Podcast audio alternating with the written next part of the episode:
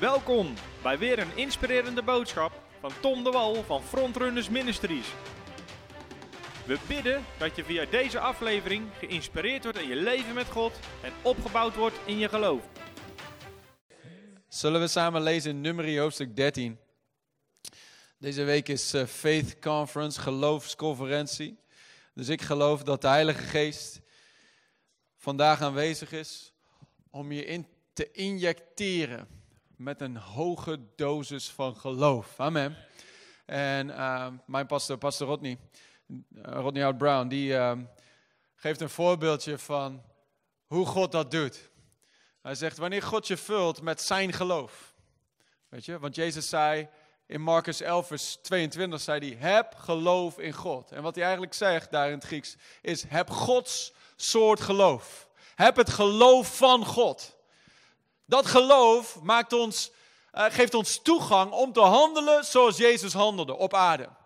Amen. Daarom zei Jezus, de werken die ik doe, zullen jullie ook doen. En grotere nog dan deze, hoe dan? Door geloof. Want door geloof zul je bergen verzetten. En niets is onmogelijk voor hen die geloven. All things are possible. Amen. Alle dingen zijn mogelijk voor iemand die gelooft. Geloof geeft je toegang tot de onmogelijkheden van God.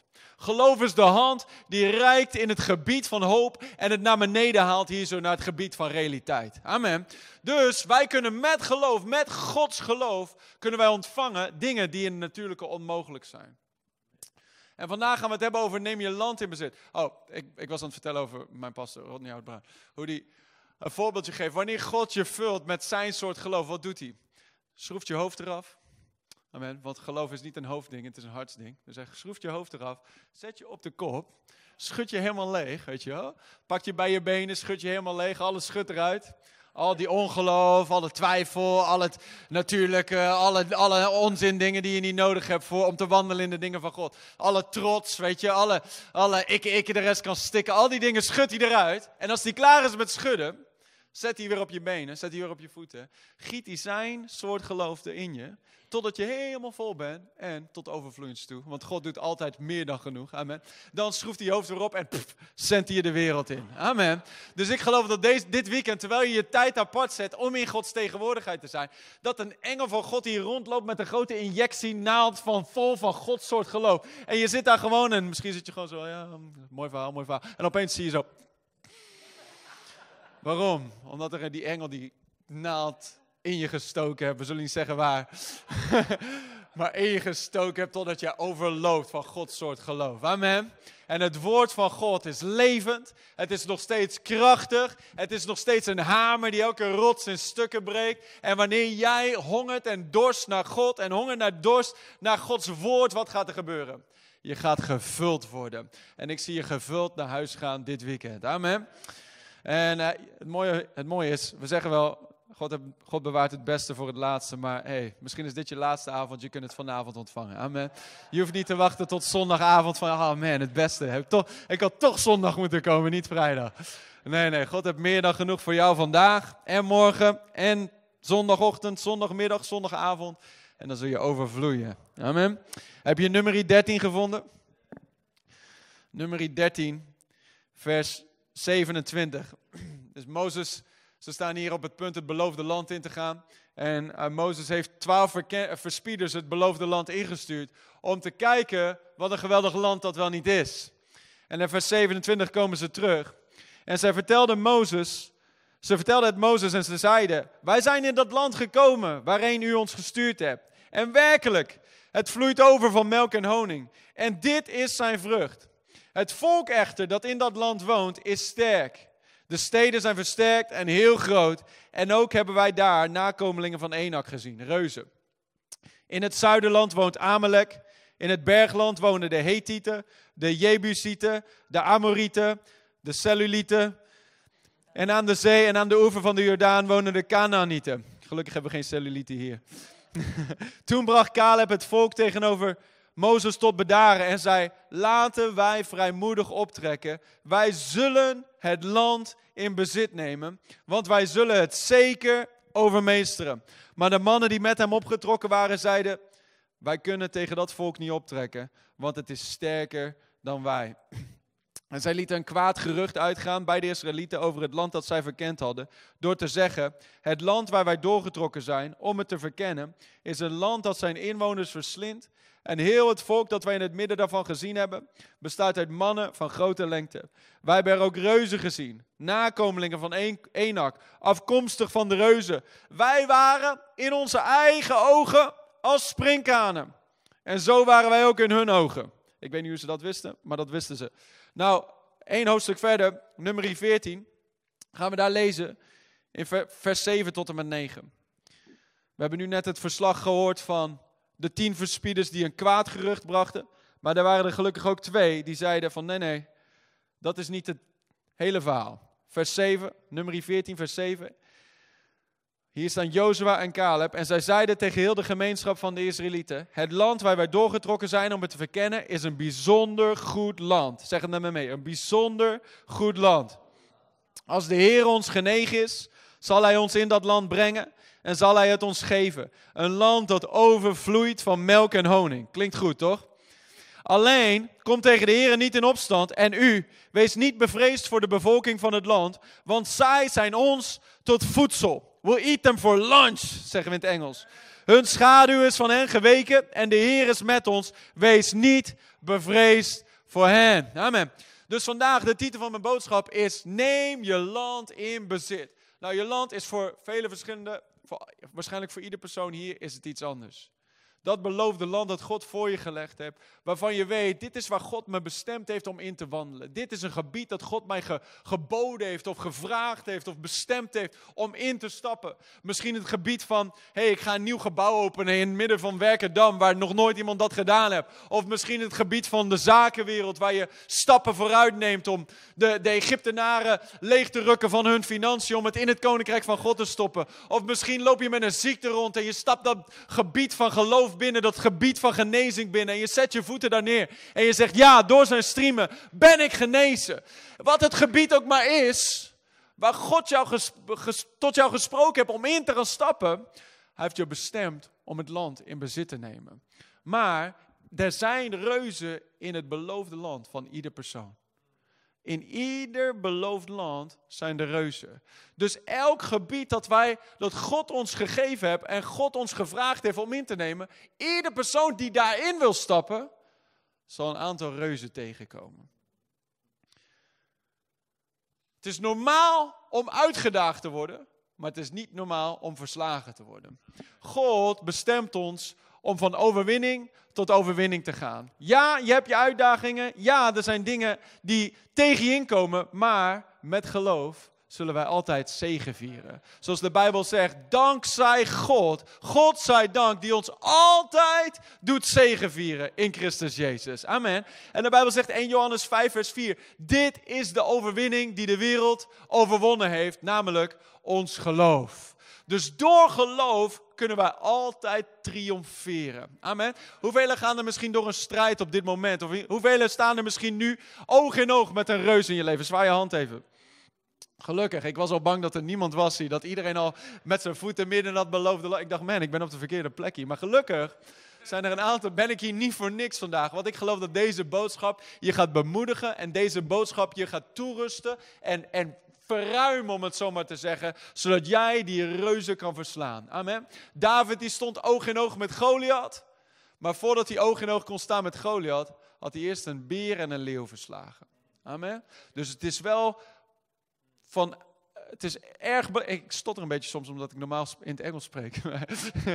en als je een beetje een accent hoort. Mijn broers die maken al geintjes over me. Hoeven jullie niet te doen. Amen.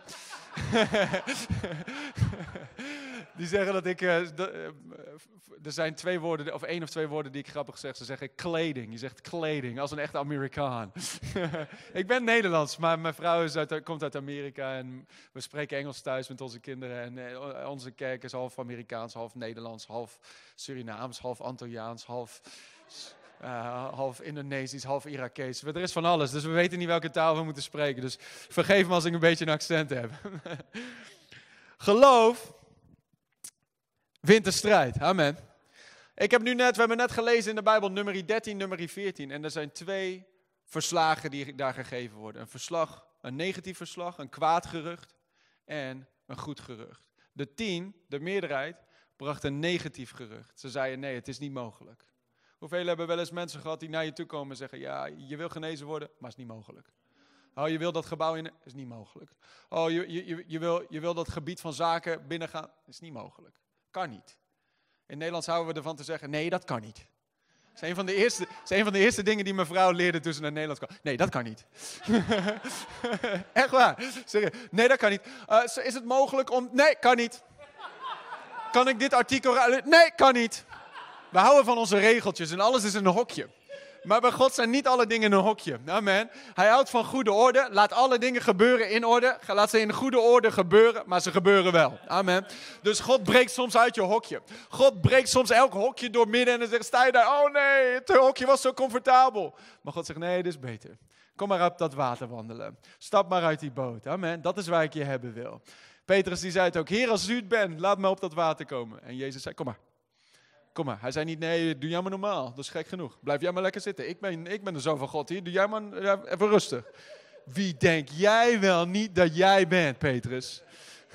Weet jij dan niet dat jij me gaat verlogen over een paar, paar maanden? Hij zei, nee, kom. Kom. Ik denk dat de Bijbel zegt het hè, in Hebreeën 11 vers 6. Dat het is onmogelijk om God welbehagelijk te zijn zonder geloof. Maar andersom gezegd, met geloof is het onmogelijk om God niet welbehagelijk te zijn. Amen. Dus wanneer we wandelen in geloof, is God well pleased. Hij is blij. God zit daar, yeah, dat is mijn zoon, dat is mijn dochter, go for it. Amen. Dus welk, welk gerucht geloof jij? Het kwade gerucht of het goede gerucht? Om het land in bezit te nemen. Israël, een hele generatie ging verloren, omdat zij kozen om het kwade gerucht te geloven. Jij en ik hebben diezelfde keuze. Mozes zei tegen Israël, hij zei, ik zet heden voor u leven en dood, zegen en vloek. Kies maar. Kies maar wat je hebben wil. Ben je niet dankbaar dat God ons de keuze geeft om te doen eigenlijk wat wij zelf willen kiezen? Maar hij zei, de gewillige en de gehoorzamen, zij zullen het goede van het land eten. Dus als wij ons land in bezit willen nemen en we willen eten van het goede land dat God voor ons heeft, dan moeten we gewillig zijn en gehoorzaam zijn. Dan moeten we het juiste kiezen. Wat kies je? Kies je het kwade gerucht van ongeloof en angst en twijfel en onzekerheid en ontmoediging?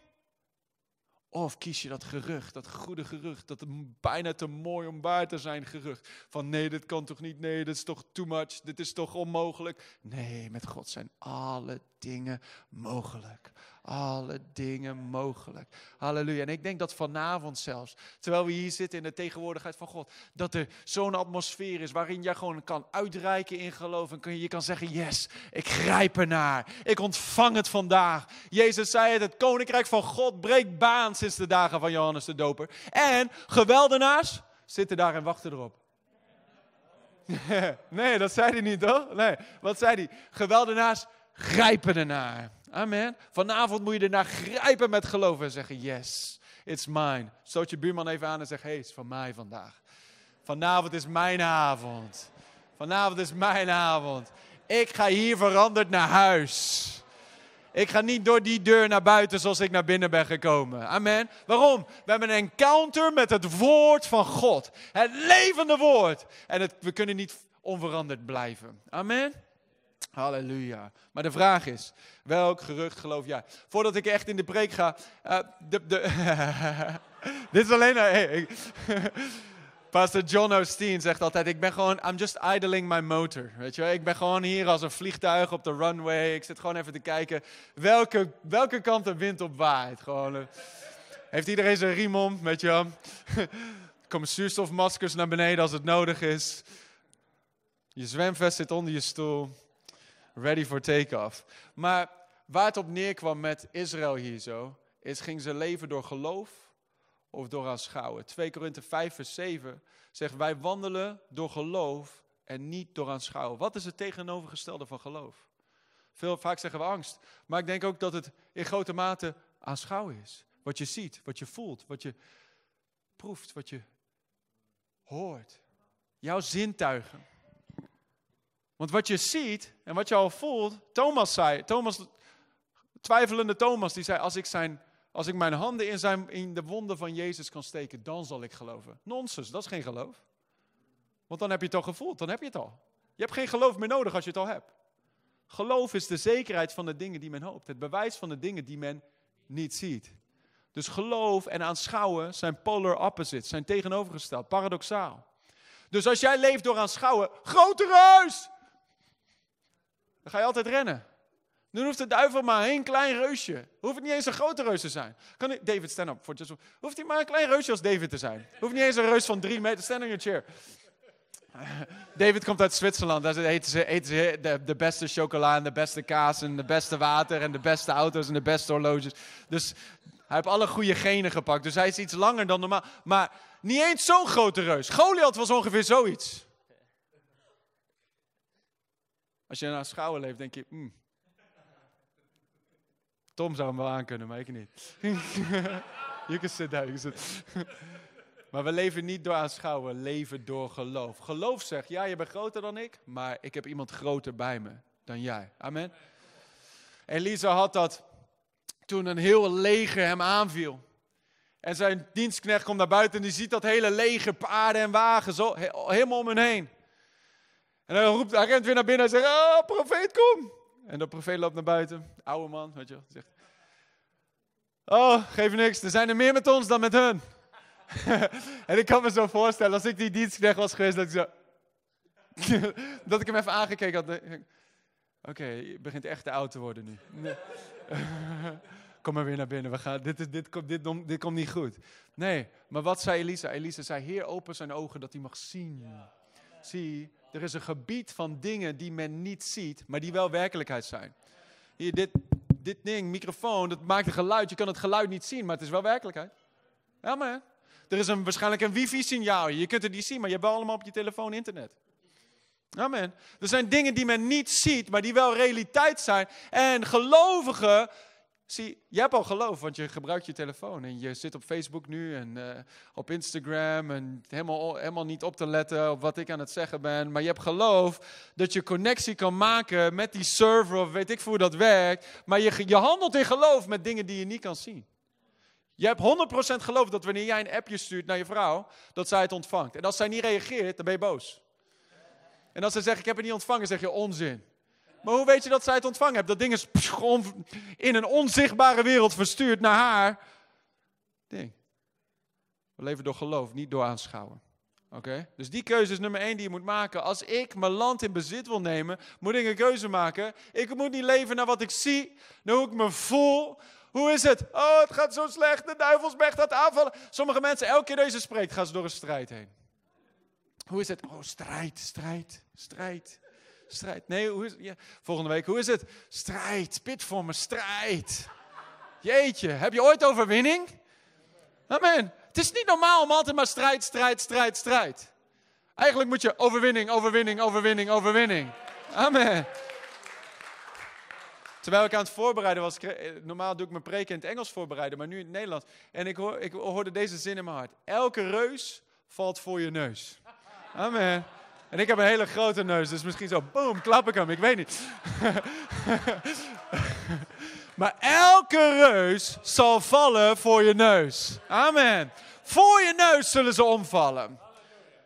Je hoeft alleen maar die stap in dat gebied te zetten. Je hoeft, hoeft alleen maar om die muur heen te lopen en hij valt om. Je hoeft alleen maar naar dat legergebied, naar dat, naar dat slagveld toe te lopen en de vijand vlucht. Je hoeft alleen maar die strijdkreet aan te heffen. En er is grote paniek in het kamp van de vijand. Hoeft niet met veel. 300 man is genoeg. Gideons leger is genoeg. Jij en God is een meerderheid. De tien waren in de meerderheid en de mensen geloofden het verslag van de meerderheid. En die twee die stonden daar van hallo. En mensen gaan altijd met de meerderheid mee. Maar jij en ik, wij zijn niet van de meerderheid. Want de meerderheid van mensen zit niet op vrijdagavond in een kerkdienst. Helemaal niet in Werkendam. Amen. Zondagochtend een uurtje is meer dan genoeg. Nee, maar jullie zijn niet de, normale christen. Jullie zijn een nieuwe normaal. Amen. Een leger van gelovigen. Dappere strijdhelden.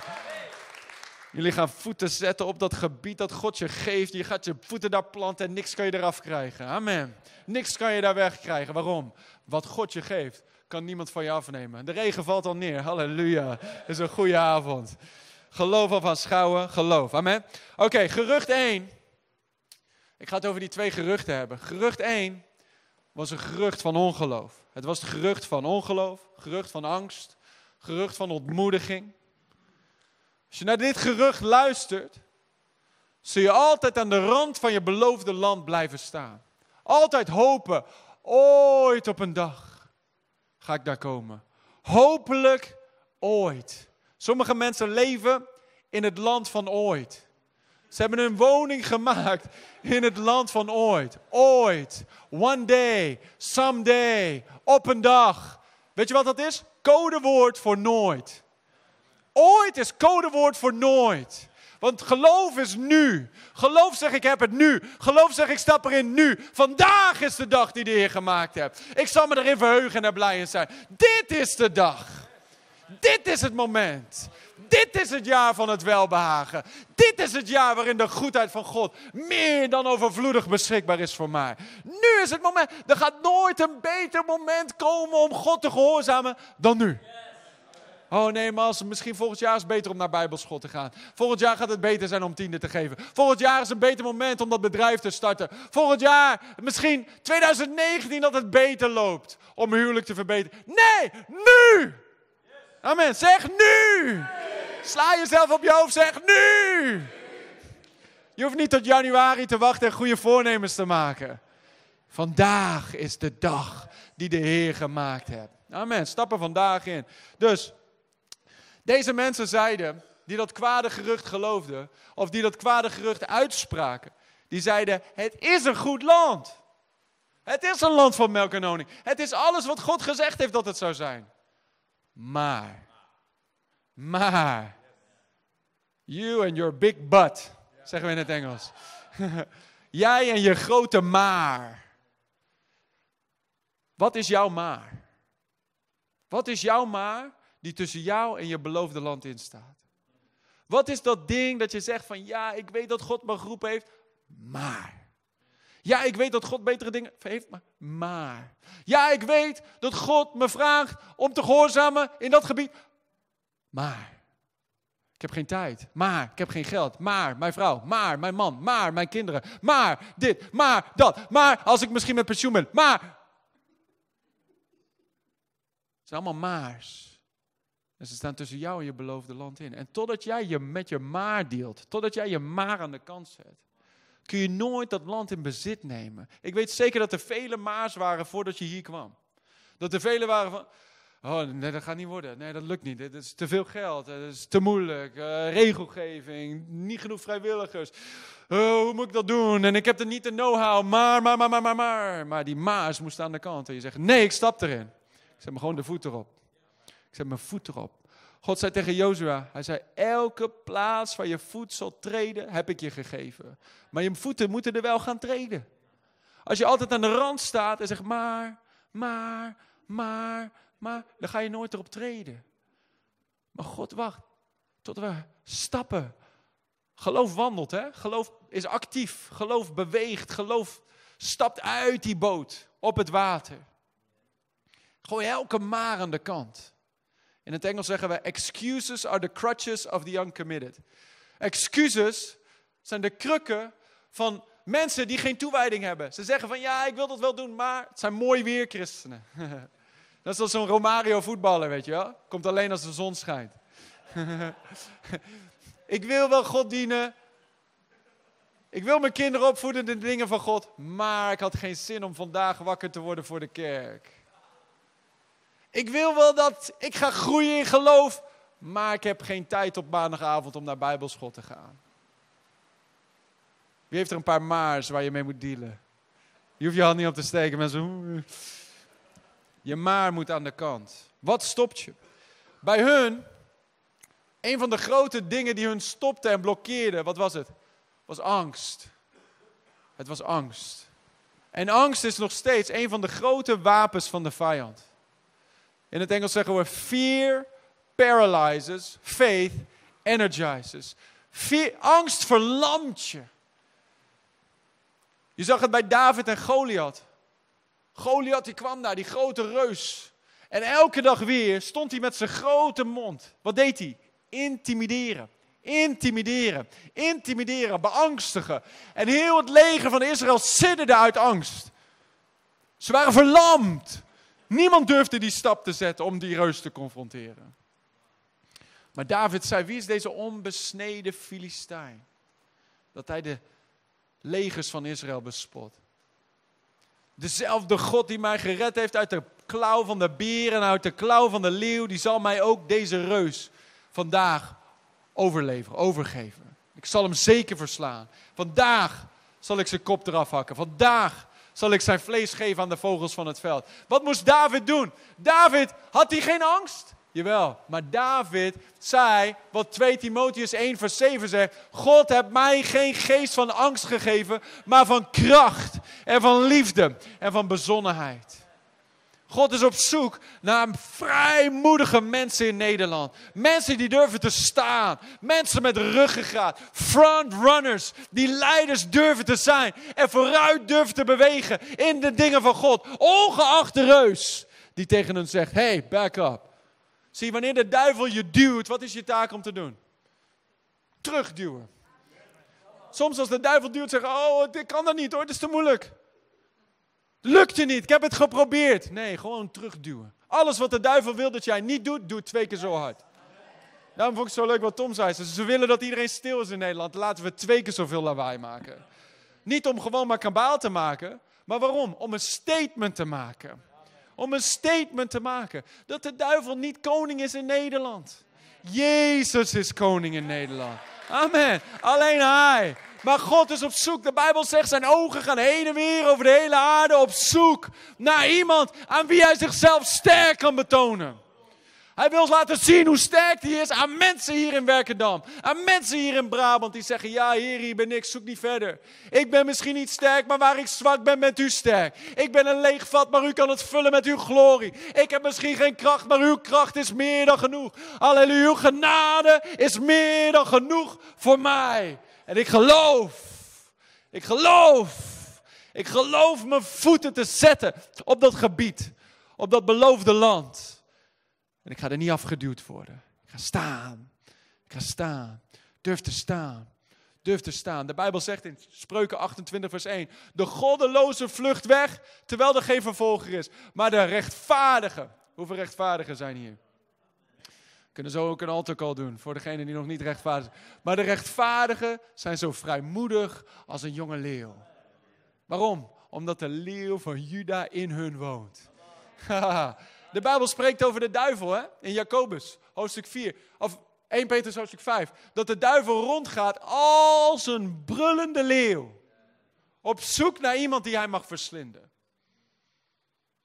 Maar Jacobus 4 vers 7 staat, onderwerp u aan God en weersta de duivel en hij zal van u vluchten. Dus die leeuw is net zoals de Lion King. Wie hebt er wel eens de Lion King gezien? Scar vlucht weg voor Mufasa. Weet je nog met die hyena's? Als ze zeggen Mufasa, zeggen ze... Mufasa, don't say that. Maar wij hebben Jezus in ons. En elke keer dat wij zeggen, Jezus. De leeuw van Juda laten brullen door ons heen. Amen. Gaat de duivel... Amen. En elke lelijke demon wordt het land uitgetrapt. Elke reus valt voor je neus. Amen. Angst. Angst. Ze zeiden, wij waren in onze eigen ogen als sprinkhanen. En zo waren wij ook in hun ogen. Hoe wisten ze dat? Wie heeft je gezegd dat je klein bent? Wie heeft je gezegd dat je niks waard bent? Wie heeft je gezegd dat je dat niet kan? Wie heeft je gezegd dat het onmogelijk is? Wie heeft je die dingen verteld? Welk nieuws lees je? Het verkeerde nieuws. Wie heb je gezegd dat je niet genezen kan worden? Wie heb je gezegd dat je nooit uit die, uit die schulden kan komen? Wie heb je gezegd dat je, een, dat, je, dat je een failure bent, dat je gefaald hebt met je zaak? Wie heb je die dingen verteld? Welk nieuws heb je gelezen? Naar welk radioprogramma heb je geluisterd? Naar welk bandje luister je? Goliath schreeuwt nog steeds vandaag. Schreeuwt nog steeds met luide stem. Niet Goliath zelf, maar de duivel die probeert jou te onderdrukken en klein te houden en verslagen te houden en in ongeloof te houden en in angst te houden, want hij weet als hij jou simpelweg kan intimideren, zodat jij niet eens een stap zet zijn kant op, dan heeft hij gewonnen. Maar de feit, het feit van het verhaal is dat de duivel een verslagen vijand is. Jezus, 2, Colossense 2 vers 15, Jezus heeft openlijk over hem getriomfeerd. Openlijk te schande gemaakt. En openlijk over hem getriomfeerd en gezegevierd. Hij heeft overwonnen. En het is aan ons om te blijven staan in dat gebied van meer dan overwinnaar. Ik gebruik een verhaal van uh, Mike Tyson. Mike Tyson ging boksen. En uh, die ene dag dat hij niet zijn tegenstander zijn oor afbeet, um, ging hij boksen en uh, hij versloeg zijn tegenstander. En, maar het was wel een gevecht, twaalf rondes lang. Hele gezicht opengeslagen, helemaal kapot op, moe. Maar hij kreeg wel een goede, goede check van 30 miljoen dollar of zo. En hij was de conqueror, hij was de grote overwinnaar. Hij komt thuis met zijn riem en zijn check, 30 miljoen. En zijn vrouw doet thuis de deur open. Zeg, hey Mike, give me the check. En hij geeft haar die check.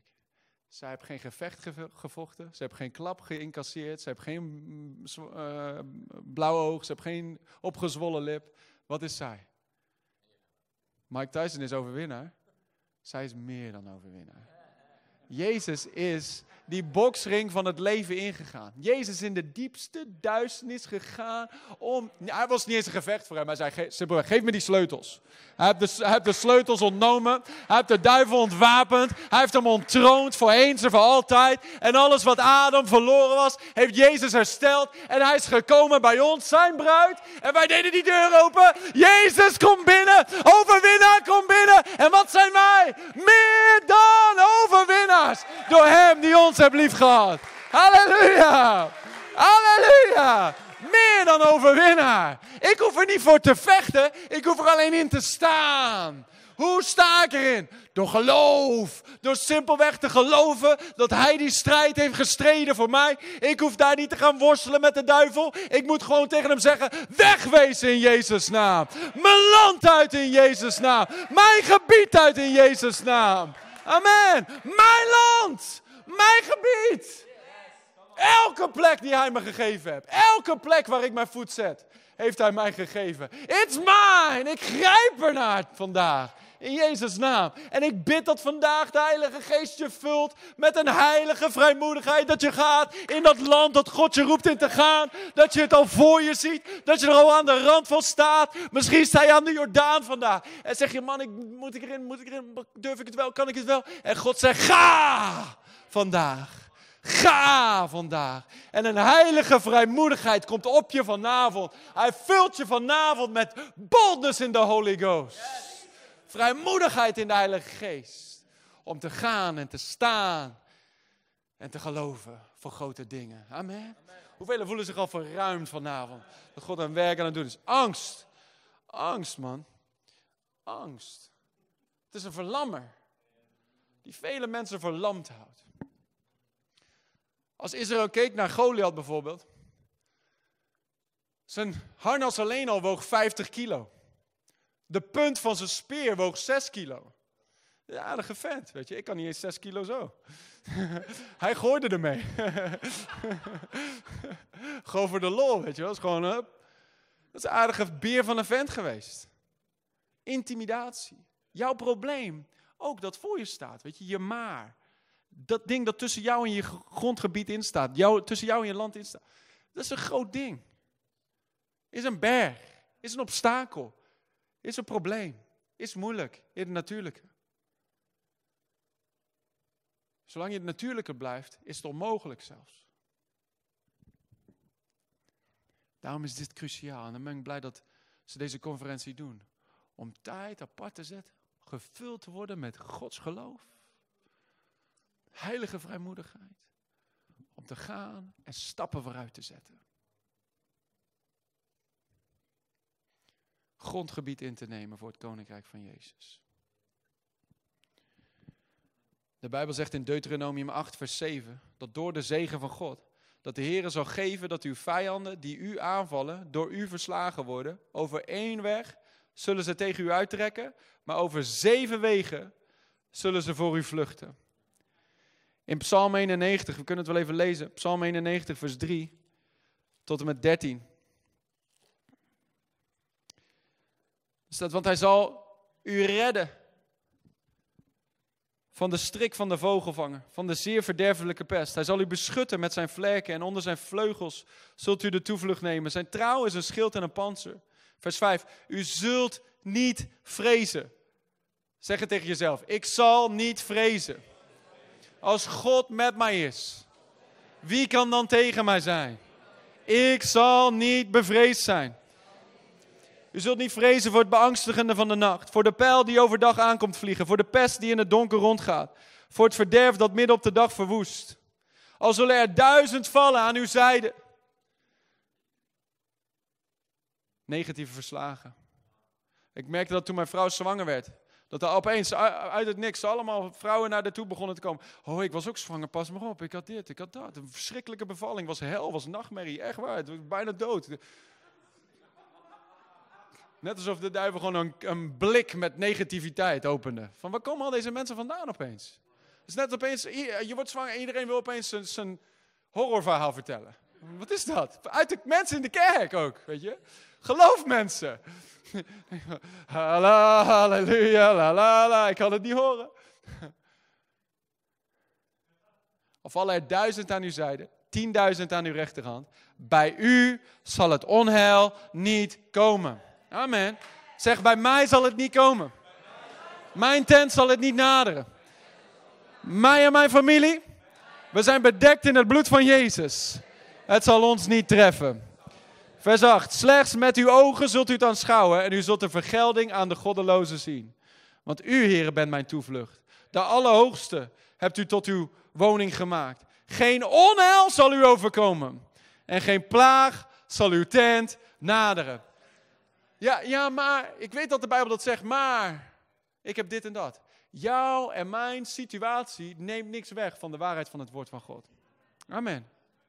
Onze negatieve ervaring soms, want in dit leven zul je soms uitdagingen hebben, zei Jezus. Maar heb goede moed, vat goede moed. Ik heb de wereld overwonnen, zei Jezus. Dus ja, uitdagingen zijn normaal, maar verslagen worden is niet normaal. Geen onheil zal u treffen. Geen plaag zal u ten naderen. Vers 11. Want hij zal voor u, zeg voor mij, voor mij zijn engelen bevel geven. Dat zij u bewaren op al uw wegen. Zij zullen u op de handen dragen, zodat u uw voet aan geen steen stoot. Op de felle leeuw en de adder. Wie is dat? De duivel. Zult u trappen. En u zult de jonge leeuw en de slang vertrappen. Jezus zei het ook in Lucas 10, vers 19. Hij zegt, zie, ik geef u kracht over alle macht van de vijand. En niets zal u enig kwaad doen. Geloof je dat?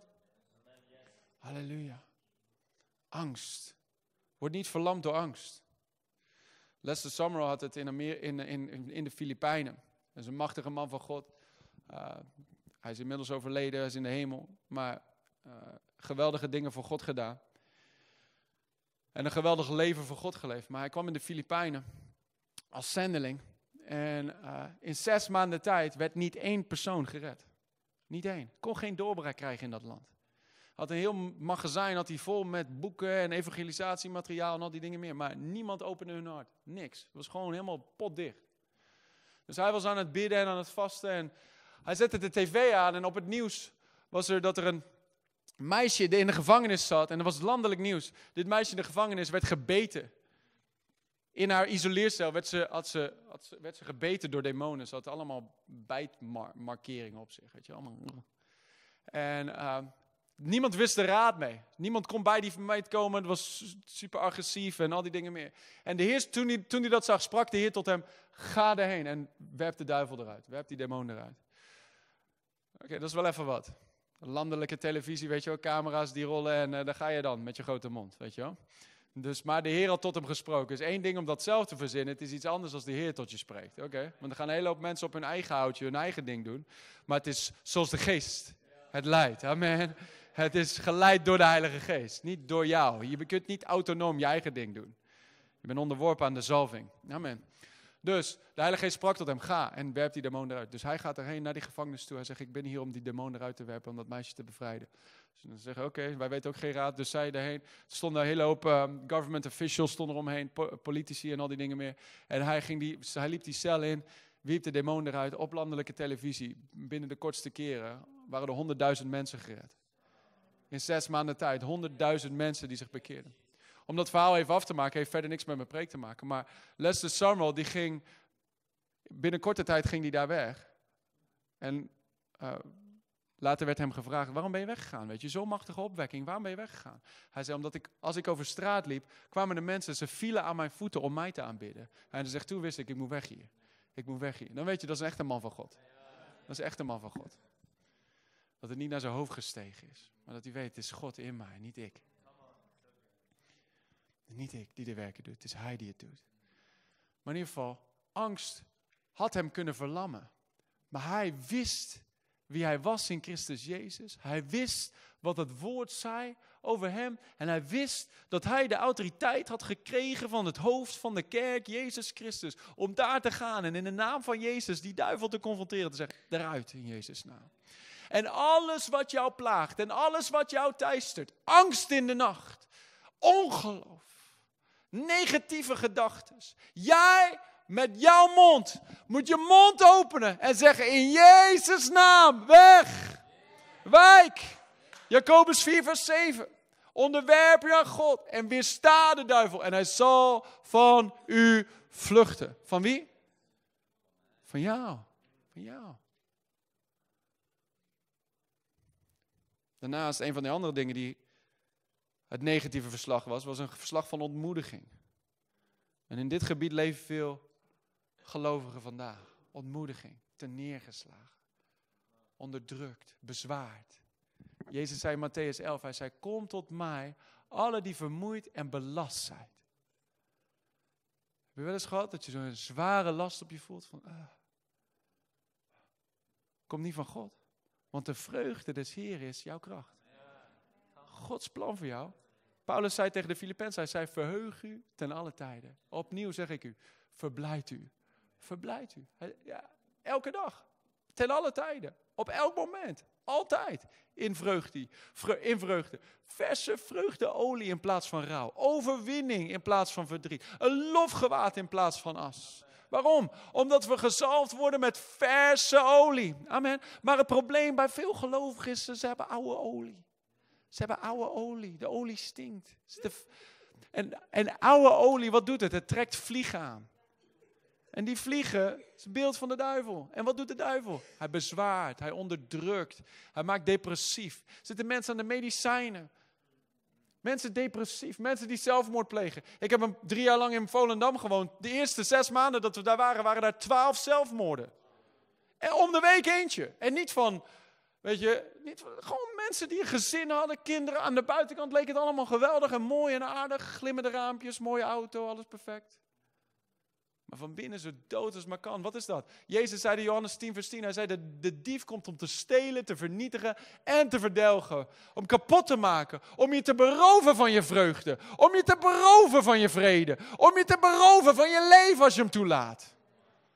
Maar Jezus zei, ik ben gekomen dat je leven hebt en leven in overvloed. Overvloedig leven. Overvloedig leven. Leef je in het land van overvloedig leven vandaag? Of heb je dingen binnengelaten in je leven die je hebben onderdrukt en bezwaard? De Bijbel zegt in Jezaja 10, vers 27, dat het juk, het juk van de vijand, die zware last, wordt vernietigd. Onherstelbaar vernietigd. Door wat? Door de zalving van de Heilige Geest. Dat juk vandaag, misschien ben je met een zware last naar binnen gekomen, maar je gaat zo licht als een veertje naar huis. Halleluja, gloria. Amen. Amen. De Bijbel zegt in 1 Petrus, hij zei, werp al uw last op hem, want hij zorgt voor u. Jij hoeft je eigen last niet te dragen. Jezus draagt het voor jou. Hij zorgt voor jou. Als hij voor de, voor de musjes in de hemel zorgt, hoeveel te meer zal hij voor jou zorgen? Als hij de, de bloem in het veld kleedt, hoeveel te meer zal hij jou kleden. Hij zorgt voor je. Hij voedt je. Hij heeft de haar op je hoofd heeft hij geteld. Hij kent je, van, hij kent je liggen en je opstaan, je begin en je eindes. Voordat je ook maar één ademtocht nam, kende, nam, kende hij al. Kende jou. En noemt je bij naam. En de Bijbel zegt dit. Hij verheugt zich over jou met zingen. Sommige mensen, de duivel ligt altijd tegen ze. Ja, je bent toch niet goed genoeg. God is niet blij met jou. God is wel heel mooi. Mooie, mooie christen ben jij. Altijd negatief, negatief, negatief, lelijk, onderdrukking, ontmoediging. En altijd zwaar, zwaar, zwaar, zwaar. Maar Jezus komt en zegt, kom tot mij. Kom gewoon naar mij toe. Kom bij mij. Je zult rust vinden. Mijn juk is zacht. Mijn last is licht. Het is niet zwaar om God te dienen. Als het zwaar is, doe je het verkeerd. Als het zwaar is, doe je het verkeerd. Het moet licht zijn. Elke dag weer een nieuw lied in je mond. Dat klinkt misschien al van, ja mooi, leuk verhaal. Jij bent een prediker, gaat allemaal lekker. Mensen geven jou heel veel geld en het is allemaal makkelijk. Klopt, maar...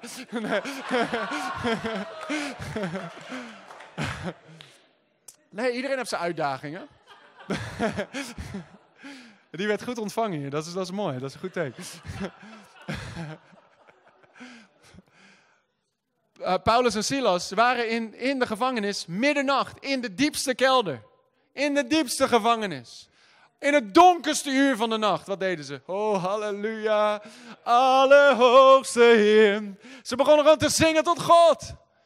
Niet zo van, oh God, u bent goed, halleluja. Ja, het is geweldig dit, halleluja, dank u Heer. Ik weet niet hoe we in de gevangenis terecht zijn gekomen, mooi verhaal.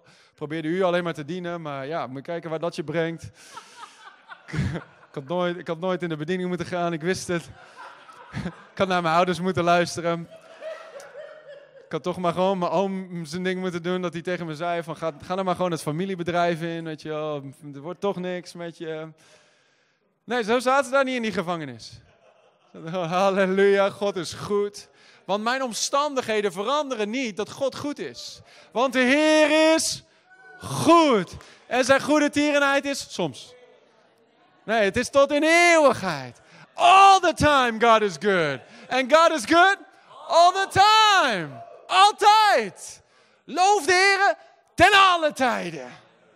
En als jij durft en jij eh, jezelf ertoe zet, laat ik het zo zeggen, om gewoon God te prijzen ten alle tijden, zul je nooit een slechte dag hebben. Amen. Gewoon in de morgen al een besluit maakt, de Heer heeft deze dag gemaakt, ik ga me erin verheugen en ik ga er blij in zijn. Ja, maar het is maandag en eh, ik voel me moe en ik heb geen zin. Maar de Heer heeft deze dag gemaakt. Ik zal me erin verheugen. Ik zal er blij in zijn. Dus ik ga gewoon zo, halleluja, God is goed. En de eerste twee minuten doet het de pijn, maar dan gaat het borrelen. Amen. Als een rivier van levend water die uit je binnenste stroomt. En als je geen positief woord te zeggen hebt in je Nederlandse, Brabantse accent, wat doe je dan? Oh, rabata sebrata labom, ala brosete alabam, rebaka simbrondo labaye. In hemelse talen hem aanbidden. Amen. En dan voor je het weet, springt je hart op van vreugde. Waarom? De Heilige Geest wacht alleen maar op een moment om jou te zegenen. Je moet ruimte maken voor hem. Amen. Hij is op zoek naar een moment. Om je te vullen en je te zegenen en je te verfrissen. Om je hoofd te zalven met verse olie. Wanneer heb je voor het laatst je olie verwisseld? Wanneer heb je voor het laatst je olie vervangen? Met je auto duurt elke zes maanden of zo. Maar geestelijk gezien ben je misschien wel uitgelekt. Ja, jullie niet hier. Vrijdagavond crowd. Het is allemaal radicalen hier zo. Vol met olie. Gisteravond ook al een hoofd verfrist met olie. Weet je, tot je beker overvloeit. Gods plan voor jou is een overstromende beker. Lang genoeg heb je geleefd met net genoeg. Lang genoeg heb je geleefd met net genoeg vreugde, net genoeg vrede. Eigenlijk is het niet genoeg.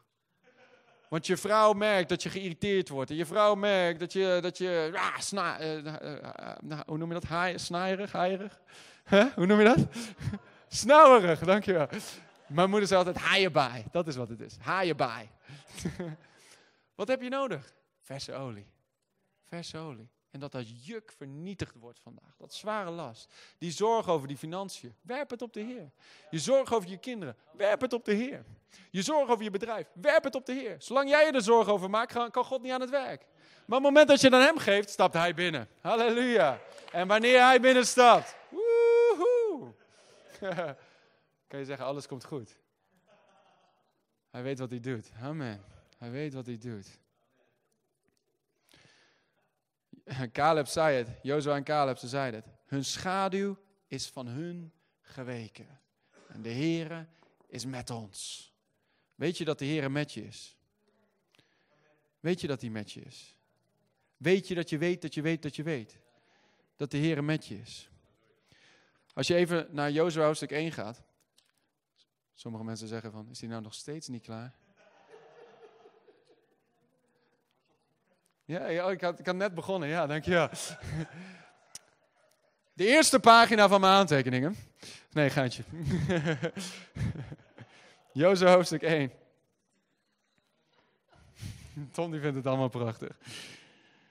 Hij denkt, ik lach maar, want ik heb hem gevraagd om hier te komen. Dan moet ik, ik kan maar beter lachen.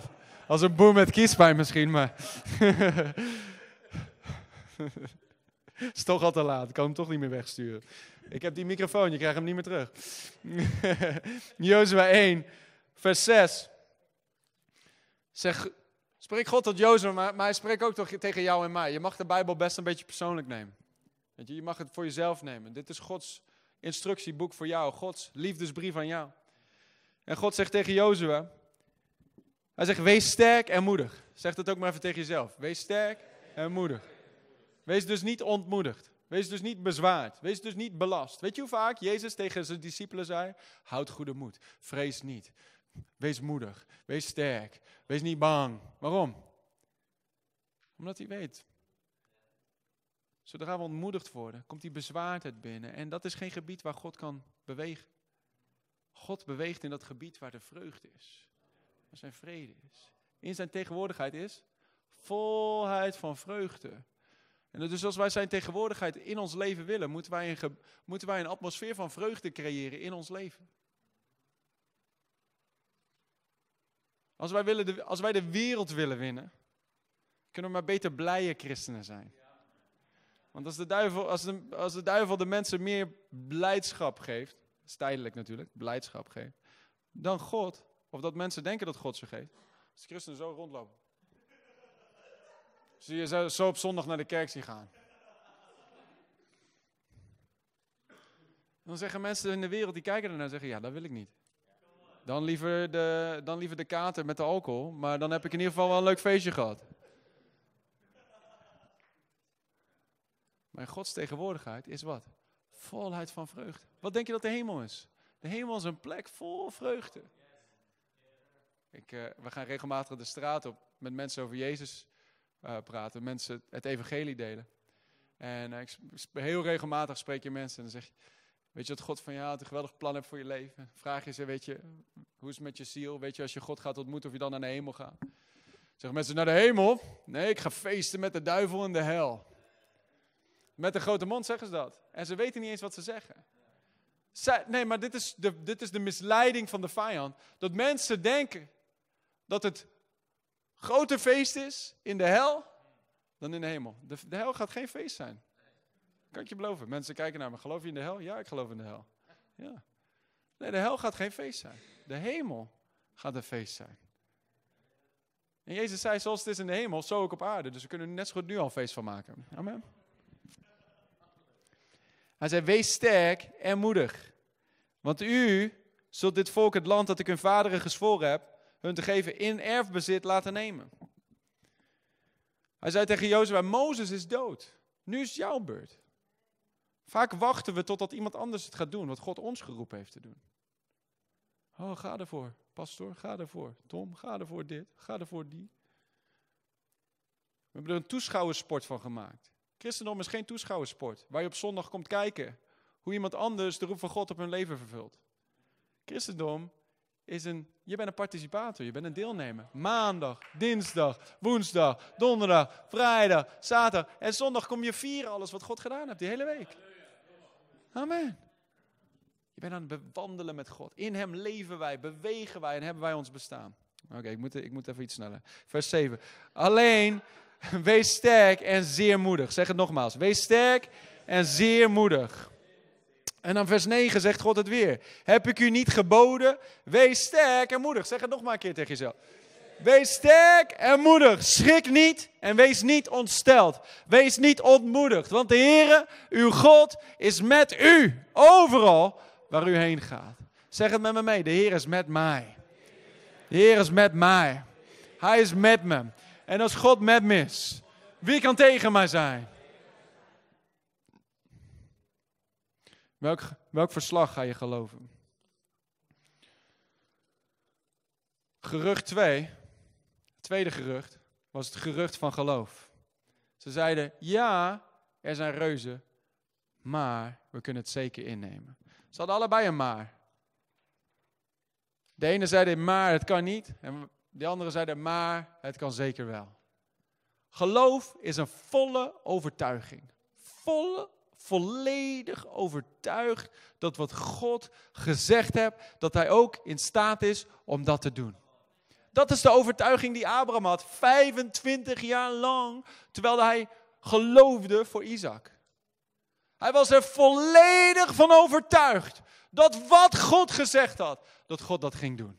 Wat is geloof? Geloof is simpelweg geloof in, geloof in God is simpelweg geloof in zijn woord. Dat wat hij zegt, dat hij meent wat hij zegt en hij zegt wat hij bedoelt. Amen. Hij, hij, wat hij zegt, gaat hij doen. Wat hij zegt, heeft hij al gedaan in zijn gedachten. Ja, er zijn reuzen, maar wij zullen het zeker innemen. Als je kijkt naar Jezaja 45, ik ben bijna klaar. Jezaja 45, vers 1 tot en met 3. Ik hou van deze tekst op dit moment. Want wij zijn, wij zijn in een geloof, wij zijn een, land in bezit aan het nemen. Net zoals Tom hier gedaan heeft met dit gebouw. Dit bemoedigt mij enorm. Want in Amsterdam zijn we uitgegroeid uit ons gebouw. Dus wij, wij nemen een nieuw land in bezit. Wij moeten een nieuw grondgebied in bezit nemen. En het is een uitdaging. Ja, er zijn wat reuzen. Makelaars, gemeentemensen, weet je, ambtenaren die zeggen: nee, het kan niet. Nee, het mag niet. Maar als God voor ons is, wie kan tegen ons zijn? Amen. En Jezaja 45 zegt het perfect. Vers 1 tot en met 3. Zo zegt de Heer tegen zijn gezalfde. Dat is tegen jou en tegen mij. Amen. Tegen Kores of tegen Ben of tegen Tom. Die ik vastgrijp bij zijn rechterhand. Om de volken voor hem neer te werpen. En de lendenen van koningen zal ik ontgorden. Om deuren voor hem te openen. Poorten zullen niet gesloten worden. Zelf zal ik voor u uitgaan. Je gaat dat beloofde land niet in je eentje in. Dat land dat je in bezit gaat nemen, is al iemand voor je uitgegaan. Wat heeft hij gedaan? Hij heeft het oneffene recht gemaakt. Hij zei: Het oneffene zal ik recht maken. In een van de Engelse vertalingen staat, hij, staat er: The rough I make smooth. Alles wat mensen zeggen dat moeilijk is. God maakt het smooth. Gladde weg. Moeilijk is alleen maar voor mensen die geloven dat het moeilijk is. Jezus is voor ons uitgegaan. Hij heeft het oneffene recht gemaakt. Bronzen deuren zal ik openbreken. IJzeren grensels stuk breken. En hij zegt, ik zal u geven schatten die in het duister zijn, verborgen rijkdommen. Opdat u zult weten dat ik de Heer ben, die u bij uw naam roept. De God van Israël. Jezus zei het in Marcus 11 vers 22. Hij zei, heb geloof in God. Geloof dat bergen verzet. Hij zei, je zult spreken tot die berg. En hij zal wijken. Ze spreken tot een obstakel en het gaat aan de kant. Hoe dan? Simpelweg door geloof. Neem je land in bezit. Welk verslag geloof je vandaag? Als je weet van, man, dit is het land dat God me heeft, voor me heeft liggen. Maar ik heb het niet ingenomen vanwege obstakels. Of vanwege, misschien heb je het geprobeerd, maar je voelde je verslagen en het lukte niet. En je denkt van, nou dan maar niet. Zal wel niet Gods plan zijn geweest. Maar vandaag voel je, God roept me weer en trekt me weer. En hij, hij wakkert me weer aan om me in dat in, mijn voeten te planten in dat gebied en het in te gaan nemen. Laat dan geen vijandje in de weg staan. Begin te geloven als nooit tevoren. Begin jezelf te voeden met het woord van God als nooit tevoren. Begin te spreken in geloof als nooit tevoren. Begin te, hou op te praten over het probleem. Hou op te praten over de reus. En begin te praten tegen die reus. Begin te praten tegen die bergen, zeg wijk in Jezus' naam. Spreek tegen angst. Spreek tegen ontmoediging. Spreek tegen negativiteit. Spreek tegen leugens. Spreek tegen onmogelijkheden. Spreek het woord van God tegen ze. Ja, ik ben ziek, maar door zijn streamen ben ik genezen. Ja, ik sta in het rood, maar ik ben gezegend in de Heer. Met zijn rijkdom in Christus Jezus. Ja, ik voel me verslagen, maar ik ben geen gevoelige, ik ben een gelovige. Amen. Spreek. Spreek je geloof. Spreek je geloof als nooit tevoren. Het eerste wat de duivel probeert te doen is proberen. Het eerste wat Jezus deed toen hij naar de hemel ging, zei hij, wacht hier, je zult kracht ontvangen. En wat gebeurde er? Ze werden gevuld met de Heilige Geest en ze begonnen te spreken. God raakt ons tong aan. Omdat je tong is je stuur, je roer van je leven. Als je elke keer verslagenheid en ontmoediging en leugen en het verslag van de vijand aan het spreken bent, wat ga je hebben? Ga je dat hebben? Maar als jij vrijmoedig genoeg bent om te durven te spreken wat Gods woord zegt over jou. En over jouw situatie. En over jouw familie. Ik en mijn huis, wij zullen de Heer dienen. De kinderen die God mij gegeven heeft. Elk woord dat in hun geplant is. Zal niet ledig terugkeren. Maar het zal zeker volbrengen dat waartoe hij het gezonden heeft. Mijn kinderen, zij zullen de Heer dienen. Dan moet je durven spreken terwijl je kinderen aan de druk zitten. Waarom? Dat is wat God zegt over ze.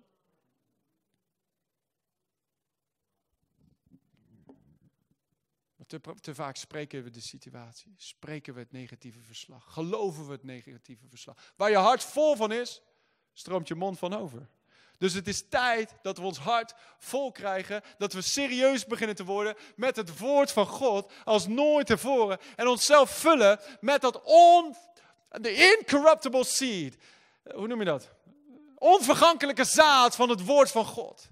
Dat bij macht is om onze zielen zalig te maken. Dat bij macht is om leven te brengen, vrede te brengen. Waardoor we deelnemers zijn aan de goddelijke natuur van God. Halleluja. Halleluja. Dus de enige reden dat we nog niet wandelen in dat gebied dat God heeft voor ons, is omdat we nog geen goede openbaring hebben. Of nog niet genoeg wandelen in dat ding wat God gesproken heeft over ons in zijn woord. Amen. Dus ik wil je uitdagen vanavond. Als je niet hebt ingeschreven voor die Bijbelschool, schrijf je in vanavond. Word serieus met het woord van God. Ga naar de kerk elke keer dat de deuren open zijn. Kom naar deze, dit soort conferenties. Duik in dat woord. Verslind het woord. Eet het woord. Spreek het woord. Doe het woord. Waarom? Iemand vol van het woord is unstoppable. Unstoppable. Want een dame in de kerk was al elf jaar ziek. Elf jaar lang kon ze niet uit bed. Ze had een auto-ongeluk gehad en daardoor de benen zwak. Weet je, ik kon gewoon, als ze dan uit bed ging, dan moest ze met een, met zo'n, met een loopwagentje lopen. En dus een jonge dame, is 50 of zo, ik weet niet. Een loopwagentje lopen en dan, dan, had ze, dan moest ze even naar de supermarkt, twee minuten, kwam ze weer terug, moest ze drie dagen lang in bed van alle pijn. Kon niks. Elf jaar lang. Keek anderhalf jaar lang online onze diensten online thuis mee te kijken. Wij wisten niet eens van haar bestaan af. Totdat ze uiteindelijk de moed vatte en ons telefoonnummer belde en zei: Hey, zou er misschien iemand zijn die me op zou kunnen halen om naar een dienst te komen? Ik kijk al anderhalf jaar lang online. Ik zou zo graag een keer een dienst live bij me mee, willen maken. Ik zei: Serieus, kom op. Wat die anderhalf jaar geleden ook kunnen ophalen. Weet je wel? Waarom hebben ze lang gewacht? Ja, ik durfde niet Ik zeg: Nee, we gaan iemand sturen. Dus sindsdien komt ze, komt ze continu. Maar na een maandje in het woord te zitten en in de tegenwoordigheid van God te zitten. Wat gebeurde er? Geloof begon te groeien in haar hart. Ze begon online goede preken te luisteren. Ze begon zichzelf te voeden met het woord. Wat gebeurde er? Romeinen 10, vers 17. Geloof komt door het horen en horen door het woord van God. Ze begon dat woord te horen en geloof begon te groeien. En ze begon te groeien en te sterken in geloof. Wat gebeurde er? Een maandje later hadden we op zondagavond hadden we een dienst. En weet je, we bedienen altijd mensen en zo. Die avond sprak ik over genezing. En zij was die dienst gekomen en zei: Vandaag is mijn dag, vandaag ga ik genezen worden. En ik deed een oproep voor mensen die ziek waren. En zij kwam naar voren en zij wist, in haar hart, zei ze tegen zichzelf: Weet je, wanneer mij de handen opgelegd worden, dan ben ik genezen. That's it. Het maakt me niet uit wat ik voel. Het maakt niet uit wat ik merk in mijn lichaam. Ik ben dan genezen. That's it. Vandaag is mijn dag. En weet je, het moment dat ik haar de handen oplegde, ik heb dit nog nooit op deze manier zo ervaren tot dat moment, is ik legde haar de handen op en ik wist, die vrouw is genezen. En ik wist haar verhaal niet. Ik wist er niks vanaf. Ik, leg, ik wist het, ze is genezen. Ze, ze viel op de grond, stond, eh, stond even later weer op, zei ik ben genezen. Ik zeg halleluja, ga naar de dokter, ga testen en zo. Weet je, die vrouw die rent nu naar de tram. Hé hey, tram, wacht op mij. Komt continu, reist rond, weet je wel, gaat mee de straat op, legt zieken de handen op, evangeliseert, wint zielen. Amen. Wat de duivel ten kwade bedoelde, heb God omgedraaid ten goede. Amen. Maar als zij het negatieve verslag bleef geloven, had ze het nooit gekund. Maar haar geloof, net zoals die vrouw met die bloedvloeiing in de Bijbel, Marcus hoofdstuk 5. Ze had over Jezus gehoord, geloof was opgestegen in haar hart. Ze zei, als ik maar zijn kleed kan aanraken, dan zal ik genezen zijn. Zij raakte zijn kleed aan, hij voelde het, zij voelde het, zij wist ik ben genezen. En Jezus zei tegen haar, uw geloof heeft u behouden. Wie's geloof? Uw geloof. Uw geloof. Ons geloof. We hebben verantwoordelijkheid in het hele verhaal. We hebben verantwoordelijkheid over onze levens. Ik zal nog één verhaal vertellen. We hadden een, uitdaging in ons leven, zodat je weet dat wij ook uitdagingen hebben. een mooi verhaal. Alle met je perfecte leventje, geweldig. Maar wij kwamen naar Nederland, mijn vrouw en ik. Mijn vrouw is Amerikaanse, geboren in Puerto Rico. En uh, misschien heb je dit verhaal gehoord, maar ik ken niet alle gezichten. Ik vertel dit verhaal regelmatig omdat het mijn verhaal is. En ik, ik word zelf bemoedigd door dit verhaal. Dus um, maar wij kwamen naar Nederland met de roep van God in ons hart om de River Amsterdam te starten, om de kerk te starten. En wij begonnen, weet je wel, gewoon in geloof. Maar net zoals deze twee, gewoon in geloof. God sprak tot ons, start fulltime. Ga geen baan zoeken. Ik heb een universitaire diploma, maar ik wist, ik moet gewoon fulltime voor God gaan. En niet, niet op mensen vertrouwen, gewoon op God vertrouwen. Weet je? Niet eens mijn noden bekendmaken, gewoon, gewoon God vertrouwen. God vertrouwen. En we hadden nog niemand in de kerk, kende niemand in Amsterdam, weet je wel. Maar, dus dat eerste jaar, wat moesten we doen? We moesten verblijfsvergunning aanvragen voor mijn vrouw. Om, om hier te kunnen blijven. Hoewel we getrouwd zijn, moet je als uh, getrouwd zijn, moet je dan een verblijfsvergunning hebben voor je vrouw uit Amerika. Dus wij hebben dat aangevraagd. Maar om verblijfsvergunning te krijgen, moet je aan allerlei eisen voldoen. Waarvan één daarvan was, je moest een vast contract hebben, vast salaris van een bepaalde hoogte. Nou, we hadden wel geld dat binnenkwam, maar niet genoeg. En ook niet in een vast contract met loonstrookjes en al die dingen meer. En toen ik, gek hoor, maar toen ik aan die IND uitlegde van ik ben zendeling en weet je, zo werkt dat niet. En de dingen van God, saaien oogsten, dat soort dingen. Zei ze van, ik weet niet waar je het over hebt. Ze accepteerden dat niet om de een of andere reden. Ik vind het heel vreemd, maar goed. Stelletje ongelovige heidenen daar bij de, bij de IND. maar Lang verhaal kort, wij waren flink aan het bouwen en aan het werken in, het, in, in de dingen van God. Weet je wel. Tien maanden later kregen we fanmail van de IND. We kwamen thuis van evangeliseren en komen binnen, stap het huis binnen. Dat God ons daar gegeven had. En op de deurmat ligt zo'n mooie witte brief met een blauwe stempel erop. En zei, halleluja, fanmail van de IND. Goed verslag. Dus we doen die brief open en wat zei die brief? Je hebt twee weken om het land te verlaten. God zegen. Nee, dat, dat, stond er niet onder, maar het stond wel, je, mag twee, je hebt twee weken om het land te verlaten. Dus ik, geloofsheld dat ik ben, weet je. Man of faith and power for the hour. Ik, stond, ik nam die brief. En ik zou willen zeggen dat ik die brief, dat ik zei van nee, ik geloof dit negatieve verslag niet. Ik geloof het verslag van de Heer. We zijn geroepen door God. Wij gaan hier blijven. Niemand kan ons dit land uitkrijgen in Jezus' naam. Maar dat deed ik niet. Ik nam die brief, ik ging naar mijn slaapkamer, ik legde die brief op de grond. Legde hem zo neer en ik deed dit. Heel heilig natuurlijk, voor de Heer liggen. En ik ging zo. Waarom? Oh God, help! Hebben jullie nooit gedaan natuurlijk. ik had een pity party van wel een half uur volgens mij.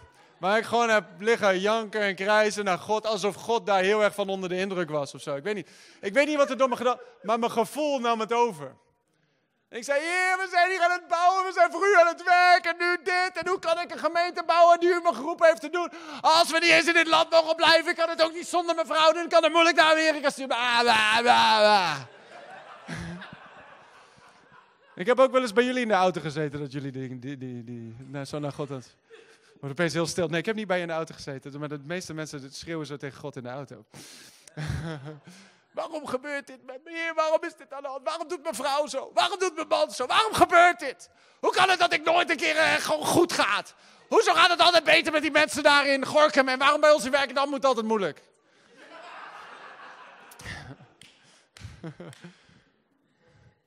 Gewoon one big pity party.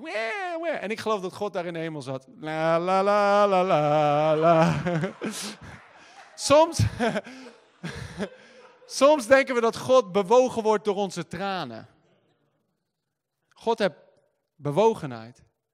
En God ziet ons in onze noden en in onze diepste punten. De duivel, of, eh, de duivel. David zei in Psalm 40, hij zei, in de put, in mijn diepe put, riep ik het uit tot de Heer. En de Heer hoorde mijn hulp geroepen. En hij trok me eruit op. En hij zette mijn voeten hoog op een rots. Deed mijn tong zingen met gejuich. En mijn mond overlopen met gelach. En velen hoorden het en zouden ook op de Heer vertrouwen. Dus dat is, God doet dat. Maar uiteindelijk, ik geloof helemaal als je al een aantal jaar met de Heer wandelt, verwacht God dat je geloof handelt.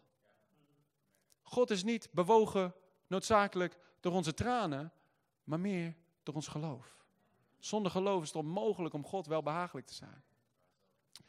Toen blinde Bartimaeus het uitriep naar Jezus, Jezus, zoon van David, heb medelijden, ontferm je over mij. Kwam, zei, stopte Jezus wel en zei, kom maar, breng hem maar. Maar toen vroeg hij hem, wat wil je dat ik doe?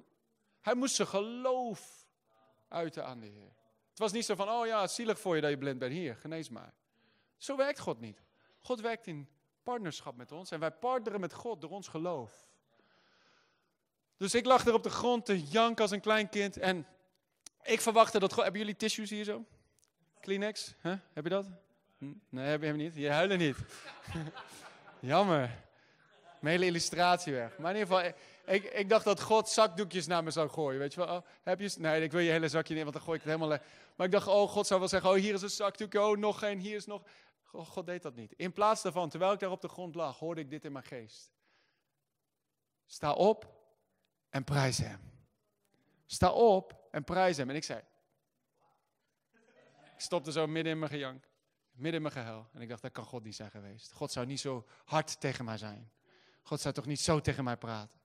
En eh, bijna deed ik zo, ga achter mij, Satan. Want als je, soms als God dingen tegen je spreekt die jou niet bevallen, denk je, dat kan nooit van God zijn geweest. Ik voelde dat in mijn hart. En, ik deed, en toen hoorde ik het nog een keer. Sta op en prijs hem. En ik wist, dit is de Heer die tot me spreekt. Dus ik stond op, heel langzaam, heel stroef. En ik begon God te prijzen. Als je het prijzen kon noemen. Aan het begin was het heel moeilijk en lastig en zwaar.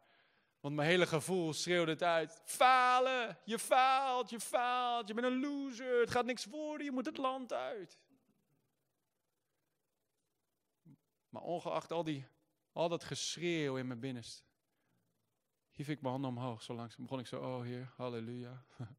Prijs uw naam, halleluja. God is goed, dank u wel. Het ging niet heel uh, vloeiend in het begin. Maar na een paar minuten begon het te stromen. En vond ik mezelf vol vreugde. Oh, halleluja, God, u bent goed, Heer, dank u wel. En geloof steeg weer op in mijn hart. Dat negatieve verslag komt om je van je lofprijs te beroven. En om je van je vreugde te beroven. En om een zware last van nederlaag op je te leggen. Maar als jij gewoon dwars door die storm heen je ogen op Jezus blijft houden, wat gebeurt er? Dan kun je niet zinken. Petrus zonk omdat hij bang werd voor de golven en voor de wind en voor die dingen. Maar Jezus zei, waarom heb je getwijfeld? Kom en wandel. Kom en wandel. Waarom twijfel je? En als jij, jij en ik onze ogen simpelweg op Jezus durven en blijven en kunnen houden door geloof onze ogen op het woord, op het levende woord, op de ja en amen, op, de begin, op het begin en het einde, de alfa en de omega, de eerste en de laatste. Degene die was, die is en die komen zal, degene die overwonnen heeft en voor eens en voor altijd op de troon gezeten is. Degene die met ons is, die ons bij onze hand vasthoudt, die ons nooit in de steek laat, die ons nooit, in, die ons nooit verlaat, die ons altijd doet zegenvieren in Hem. Als wij onze ogen op Hem kunnen houden dan kunnen we nooit falen en dan kunnen we niet zinken. Ongeacht de situatie. Ook al ga ik door een dal van diepe duisternis. Ik ga doorheen. Ik vrees geen kwaad, want hij is met mij. En ik ga er doorheen. Ik ga mijn kamp daar niet neerzetten. Ik ga daar niet blijven wonen. Ik ga er doorheen. Ook dit ding waar je nu doorheen gaat, deze situatie waar je nu in zit, je gaat er doorheen. Je gaat daar niet blijven hangen. Je gaat de overwinning hebben. Amen. Die overwinning gaat zich manifesteren. Waarom? Omdat hij je is. En hij faalt nooit. Amen. Hallo, Tom de Wol hier en bedankt dat je weer geluisterd hebt naar onze podcast. Ik bid dat het je geloof gebouwd heeft en je bemoedigd bent. Als je niet alleen een luisteraar van onze boodschap wil zijn, maar ook een verspreider daarvan, wil ik je uitnodigen om partner te worden van Frontrunners. Door jouw maandelijkse donatie help je ons om dit evangelie van Jezus Christus en het woord van God over heel de aarde te brengen. Om partner te worden, ga naar www.frontrunnersministries.nl slash partners en word partner. Hartelijk bedankt en tot snel. Heb je ook zo genoten van deze inspirerende boodschap van Tom de Wal? Abonneer je dan op deze podcast. Volg ons op Facebook en op Instagram en kijk op onze website frontrunnersministries.nl.